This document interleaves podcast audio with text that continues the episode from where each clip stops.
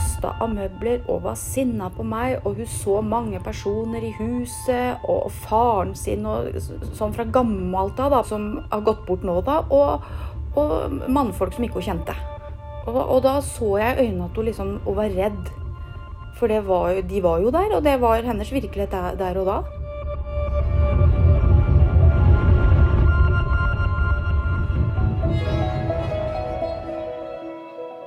Delirium er en kanskje overraskende vanlig tilstand blant alvorlig syke, og eldre er spesielt utsatt.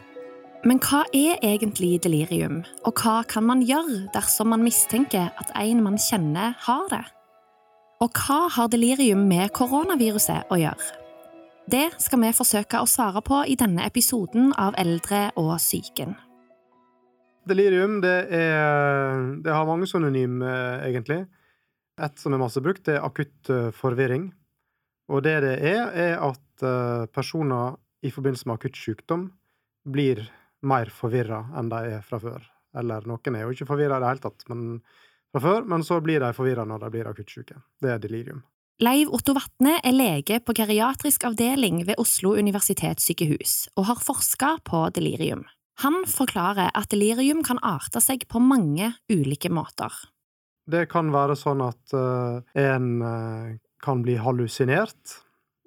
Altså, delirium oppstår jo stort sett i forbindelse med akutt sykdom. Så en ser masse delirium på uh, et sykehus.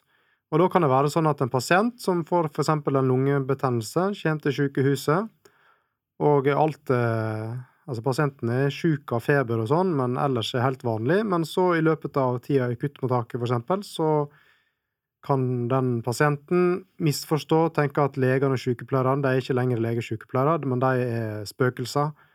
En er ikke på et sykehus lenger, en er i et fengsel. Det kan være delirium. Men det kan òg være sånn at uh, en kan bli veldig ekstremt trøtt. Det kan òg være tegn til delirium, at en, at en kan sovne midt i en setning, for eksempel. Det er òg tegn til delirium. Og et uh, symptom som alle med delirium har, det er at en sliter med oppmerksomheten. Så en får får ikke med seg det som blir sagt, og mister tråden i en uh, samtale. Å behandle delirium innebærer først og fremst å behandle den underliggende sykdommen som har utløst deliriumet. Hvis en behandler den utløsende årsaken, så går deliriet vanligvis over etter kanskje to til tre til fire dager. Det kommer jo an på hvor alvorlig deliriet er, og hvor sårbar personen er i utgangspunktet. Så det aller første en gjør, må gjøre hos en pasient med delirium, det er å finne ut hva som utløste det i utgangspunktet. Og av og til er det åpenbart. For eksempel så er det veldig masse delirium hos hoftebruddpasienter. Og da tenker en, altså da har en allerede en kjempegod forklaring på hvorfor pasienten fikk delirium, for hoftebruddet i seg sjøl kan helt klart utløse et delirium. Mens hos andre pasienter og da spesielt veldig skrøpelige pasienter, pasienter med demens, som ikke så enkelt kan forklare hvor de har vondt. Der kan delire av og til være det første symptomet på at det skjer noe annet med en somatisk sykdom. Det kan være en lungebetennelse som er på gang, eller en urinveisinfeksjon, eller til og med et hjerteinfarkt. Så da, hvis en uh, oppdager et delirium hos en uh, skrøpelig person, eller uansett, så må en da leite etter hva som er den utløsende årsaken, og så må en behandle den. Det er kjempeviktig. Selve deliriumet finnes det altså ingen direkte behandling for, forteller Vatnet. Men noen ganger gir man medisiner likevel. Av og til så gir en allikevel medisiner til pasienter med delirium. Og det gjør en for å måte, dempe symptomer som pasientene har, fordi hvis du tenker at en pasient tror at legene og sykepleierne de er ikke leger og sykepleiere, men de er spøkelser som er i ferd med å stikke dem med et sverd, mens det de gjør, egentlig er å ta en blodprøve. Altså, Da vil jo pasienten protestere og stritte imot. Men av og til så må en gjøre undersøkelser som er helt nødvendige for gjennomført, og da, øh, da går det an å gi medisiner som demper symptomer. Uh, og det kan være antipsykotika, for eksempel. Men det er absolutt ingen eh, medisin for delirium, men det demper symptomer. Gunhild Solbergs mor Bjørg er 80 år og bor nå på sykehjem. Gunhild forteller at moren hadde begynnende demens, men at hun en dag brått ble veldig forvirra. For å begynne litt tid tilbake, da, så merka vi jo at hun begynte å glemme og surre litt og sånn. Jeg tenkte at det, det er sånn mange gjør når de blir gamle, da. Og så blei det verre og verre. Ringte oftere og oftere og spurte om det samme. Husker, huska ikke hva vi hadde snakka om i telefon, og hva vi hadde avtalt. og og sånne ting. Og så skjønte vi at vi kanskje må ta litt tak i det, og begynte litt hos fastlegen, men ting tar jo tid for å komme seg inn til spesialister og tester og alt det her. Og plutselig en eh, kveld, seint en kveld, så ringte først mamma og gråt og gråt og gråt. Og gråt, og skjønte nesten ikke hva hun sa. Så ja, jeg kommer, jeg kommer. Og så når jeg var på vei utover, så, kom, eh, nei, så ringte pappa og sa jeg tror du må komme, hjem, jeg er på vei. Og da, da kasta av møbler og var sint og banna og svarta noe jeg, jeg aldri har hørt hun har gjort. Hun var en sånn stille og forsiktig dame. Eh, og var sinna på meg, og hun så mange personer i huset. Og, og, og faren sin, og, sånn fra gammelt av, på en måte, eller mange år tilbake. Og holdt på å skulle få roa, og, og kjente ikke pappa igjen. Lurte på hvem det var som satt der. Ja, mamma sier du må se på han. Se på han. Nei, kjente han ikke igjen. Ifølge Gunhild så Bjørg både kjente og ukjente personer i rommet. Ja da, både, både kjente gamle holdt jeg på å si, som har gått bort nå, da, og, og mannfolk som ikke hun kjente. Og, og, da så jeg i øynene at hun liksom hun var redd. For var, de var jo der, og det var hennes virkelighet der, der og da. Og hun sa jo, hun sa jo at uh, en gang at jeg kan, kan drepe de, jeg, eller noe i den duren der. Jeg tenkte å herregud, tenkte jeg. Kommer det fra munnen til mamma, liksom, som ikke har sagt herregud engang? En av de største utfordringene med delirium er at det kan forveksles med demens. Det forteller Torgeir Brun Wyller, overlege og professor i geriatri ved Oslo universitetssykehus. Og det å skille demens fra delirium er ekstra vanskelig, fordi en pasient kan ha begge deler på en gang. Det kan være veldig vanskelig hvis man ikke har noe informasjon om pasienten fra før av. Fordi Da ser man bare en person som er desorientert, ikke vet hvor han eller hun er, er forvirret. Og da må man snakke med en som kjenner pasienten over tid, en pårørende eller noen som kan fortelle noe om dette er annerledes enn det pleier å være. Og de som har demens, er jo også da ekstra utsatt for å få delirium på toppen av demensen når noe skjer. Fordi hvis de har en demens, så har de allerede en syk hjerne som har mindre å gå på, mindre reserver. Så da skal det en mildere utløsende årsak til for at de skal få et delirium på toppen. Men nøkkelspørsmålet da er akkurat det er det Har det endret seg brått? Er det brått blitt enda verre eller annerledes enn det det, enn det, det pleier å være? Da vet vi at det er noe mer på toppen av, av pasientens demenstilstand. Og så er det dette med, dette med våkenhet, oppmerksomhet, som også er nøkkel. og Det er litt vanskelig å vurdere når ikke man har trening i det. Men en person med demens kan være selvfølgelig veldig desorientert. Ved alvorlig demens kan det være at personen ikke vet hvor han eller hun er, ikke husker hva som har skjedd og sånn, men de vil vanligvis eh, være våkne, forsøke å snakke med den som snakker til dem, rette blikket mot den som snakker til dem. Det de svarer kan være feil, for de gjetter, og så husker de feil, men de prøver på en måte. Eh, mens en person med delirium er altså, i tillegg til å være forvirret, også da har gjerne ikke en helt normal våkenhet, kan falle i søvn på rare tidspunkter eller sånn helt uventet i situasjonen, eller eh, retter blikket, retter oppmerksomheten like mye mot helt uvedkommende ting i rommet eller i omgivelsene som på den som snakker til han eller henne. Det er, typisk, det er mer typisk for delirium. Så man kan få litt inntrykk av det også, men det viktigste er egentlig det spørsmålet til en som kjenner vedkommende. Er vedkommende annerledes nå enn vanlig? Likevel er ikke demens i seg selv en utløsende årsak til delirium, forteller Torgeir. Personer med veldig alvorlig demens, som er veldig syke av demens, som har hatt demens i mange år og virkelig begynner å bli veldig alvorlig syke av det, de kan av og til være såpass si, såpass svingende, og det skal så lite til for å bringe dem ut av fatning, og det skal bare litt ubehag eller noe som skjer, kan gjøre dem mer forvirret enn de pleier å være. Og, og, da kan de svingningene som på en måte er en del av selve demenssykdommen da, kan være veldig vanskelig å skille fra et delirium. Men, men bortsett fra akkurat det, så, så, tenker vi at delirium og demens er to forskjellige ting, men de henger sammen. Det å ha demens øker risikoen, øker tilbøyeligheten til også å få delirium, men da som er mer akutt. En demens er en kronisk sykdom som utvikler seg langsomt, langsomt over tid, mens delirium er en akutt hendelse som oppstår brått, og da som en respons på noe akutt som har skjedd, som har utløst det. Gunhilds mamma Bjørg ble akuttinnlagt på sykehuset, og legen sa at hun hadde delirium som kunne være utløst av en urinveisinfeksjon. De sa jo det, sånn akutt forvirring, ikke sant. Ja, for de undersøkte ja, det kan være urinveisinfeksjon, ikke sant? for da kan jo de gamle bli veldig forvirra. Men det undersøkte vi og fikk medisiner, og det var både før og etterpå. Så jeg sa, vet du hva, det, jeg tror ikke det har noen sammenheng med det. Det tror jeg er sykdom. Utfordringen i Bjørg sitt tilfelle var at hun ikke hadde en demensdiagnose fra før, noe som gjorde det ekstra vanskelig å skille mellom demens og delirium. Hun fikk imidlertid diagnosen langtkommen Alzheimers sykdom like etter dette, og fikk raskt plass på sykehjem.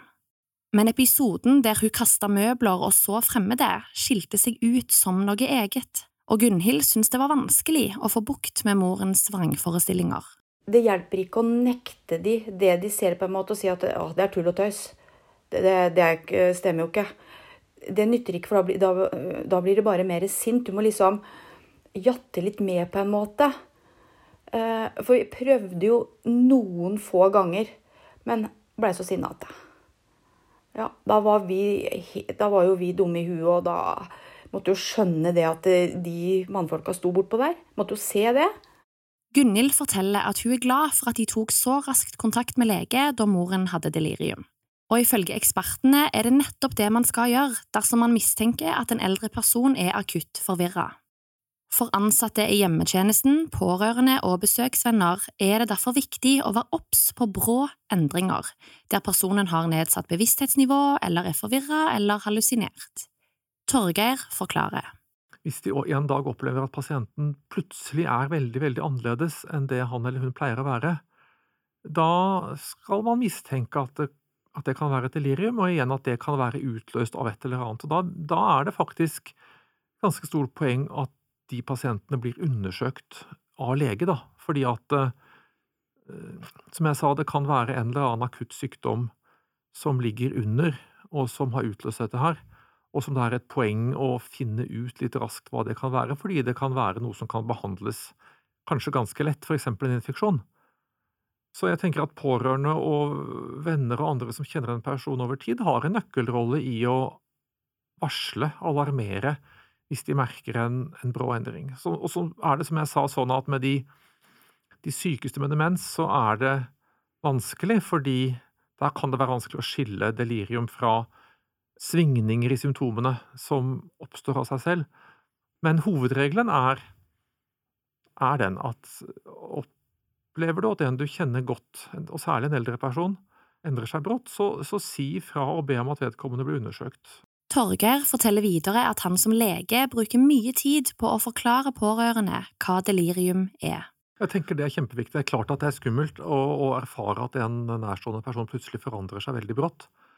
Og det å forklare da at dette, dette vet vi hva er, dette har et navn, dette heter delirium, det er et vanlig symptom ved, ved akutt sykdom, og forklare at det viktigste nå er at vi undersøker hva det kommer av, forsøker å finne årsaken, og at vi skal gjøre noe med det, er kjempeviktig. Han mener òg at pårørende kan ha en viktig rolle i å berolige pasienten med delirium.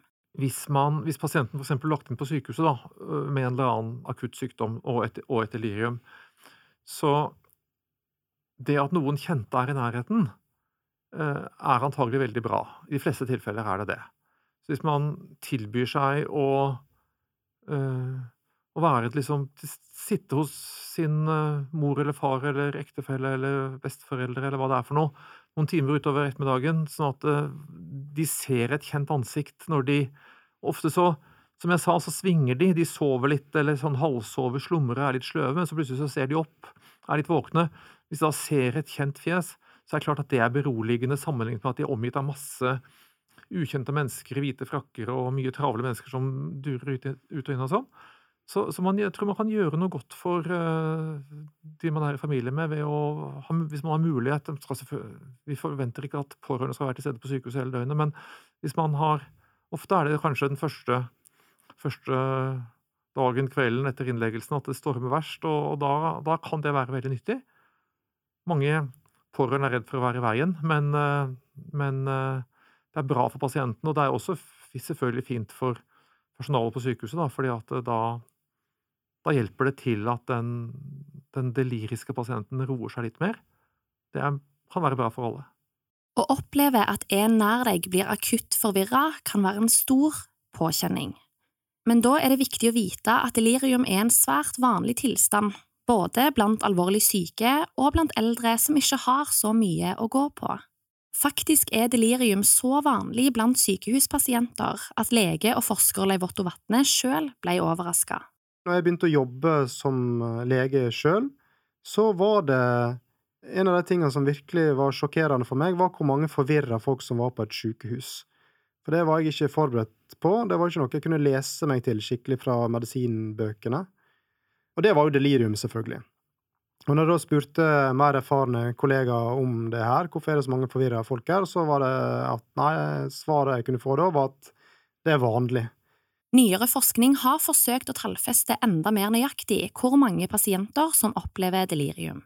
Det er noen som har gjort forsøk på å telle opp rett og slett, hvor mange som har delirium til enhver tid, og en studie der fant jeg at uh, der de testa alle pasientene på et sykehus om de hadde delirium akkurat en spesiell dag. Da var det én av fem som hadde delirium den dagen.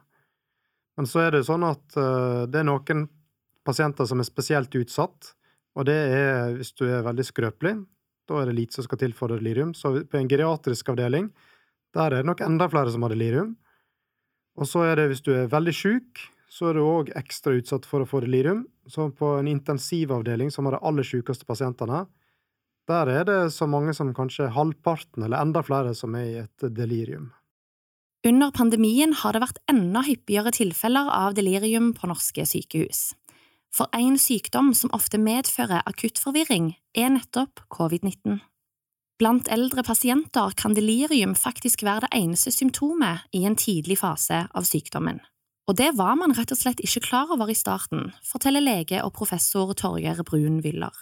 Man må være klar over at en, spesielt en eldre og sårbar pasient ikke nødvendigvis har de symptomene som vi ellers har lært ved covid-19 med luftveissymptomer og sånn. Det kan være at eh, de har covid-19 selv om de ikke har det, og bare er forvirret. og det det lærte man litt sånn hard lekse helt i starten av eh, pandemien i, i 2020.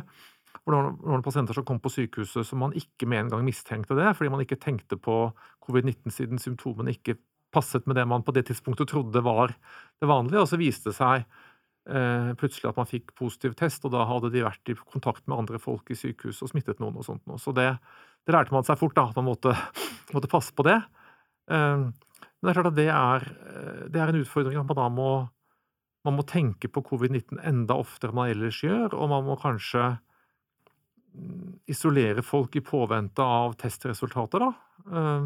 Som selvfølgelig er et problem også fordi folk som har delirium, og hvis de også kanskje har demens fra før av, har jo på en måte også ekstra eller lider på et vis ekstra mye under disse isolasjonstiltakene, for da vil de ofte ikke skjønne årsakene og sånn. Men det er jo faktisk ganske viktig, da, allikevel. Leiv Otto Vatne er enig i at smittevern og delirium er en svært utfordrende kombinasjon. De smittevernstiltakene en må ha, de er i seg sjøl eh, Da må helsepersonell gå med eh, sånne smittevernsutstyr, en må kanskje ha en maske, eh, en må ha briller, det er vanskelig å, å, å få presentert seg skikkelig. Og hvis, du er da, hvis pasienten da allerede er liksom på grensen til å utvikle et delirium, men sliter litt med å skjønne hvor en er henne, da er det masse raskere å, tenke, å konkludere med at ja, jeg er faktisk i et fengsel, og her er jeg jo omgitt av spøkelser, for du ser jo ingen ansikt, og alle helsepersonell går rundt i drakter og sånn. Så det er en litt sånn spesiell setting som eh, jeg tror vil forsterke risikoen for å få delirium, sammenligna med en annen infeksjonssykdom som er kanskje med lignende symptomer. Så da eh, på sykehus så må en av og til ha en fast vakt som sitter hos pasienten og gjentar om og om igjen og om igjen at du må være på rommet ditt, og vi er her for å hjelpe deg, og, og du må ikke gå ut i avdelinga og sånne ting. Så det, ja, det, det bruker en masse ressurser på, da. Delirium oppstår altså som oftest som følge av underliggende sykdom. Jo mer skrøpelig du er, jo mindre alvorlig trenger den underliggende sykdommen å være for at du skal få delirium. Når sykdommen som utløser deliriumet blir behandla, forsvinner som regel òg den akutte forvirringen, men det kan ta litt tid.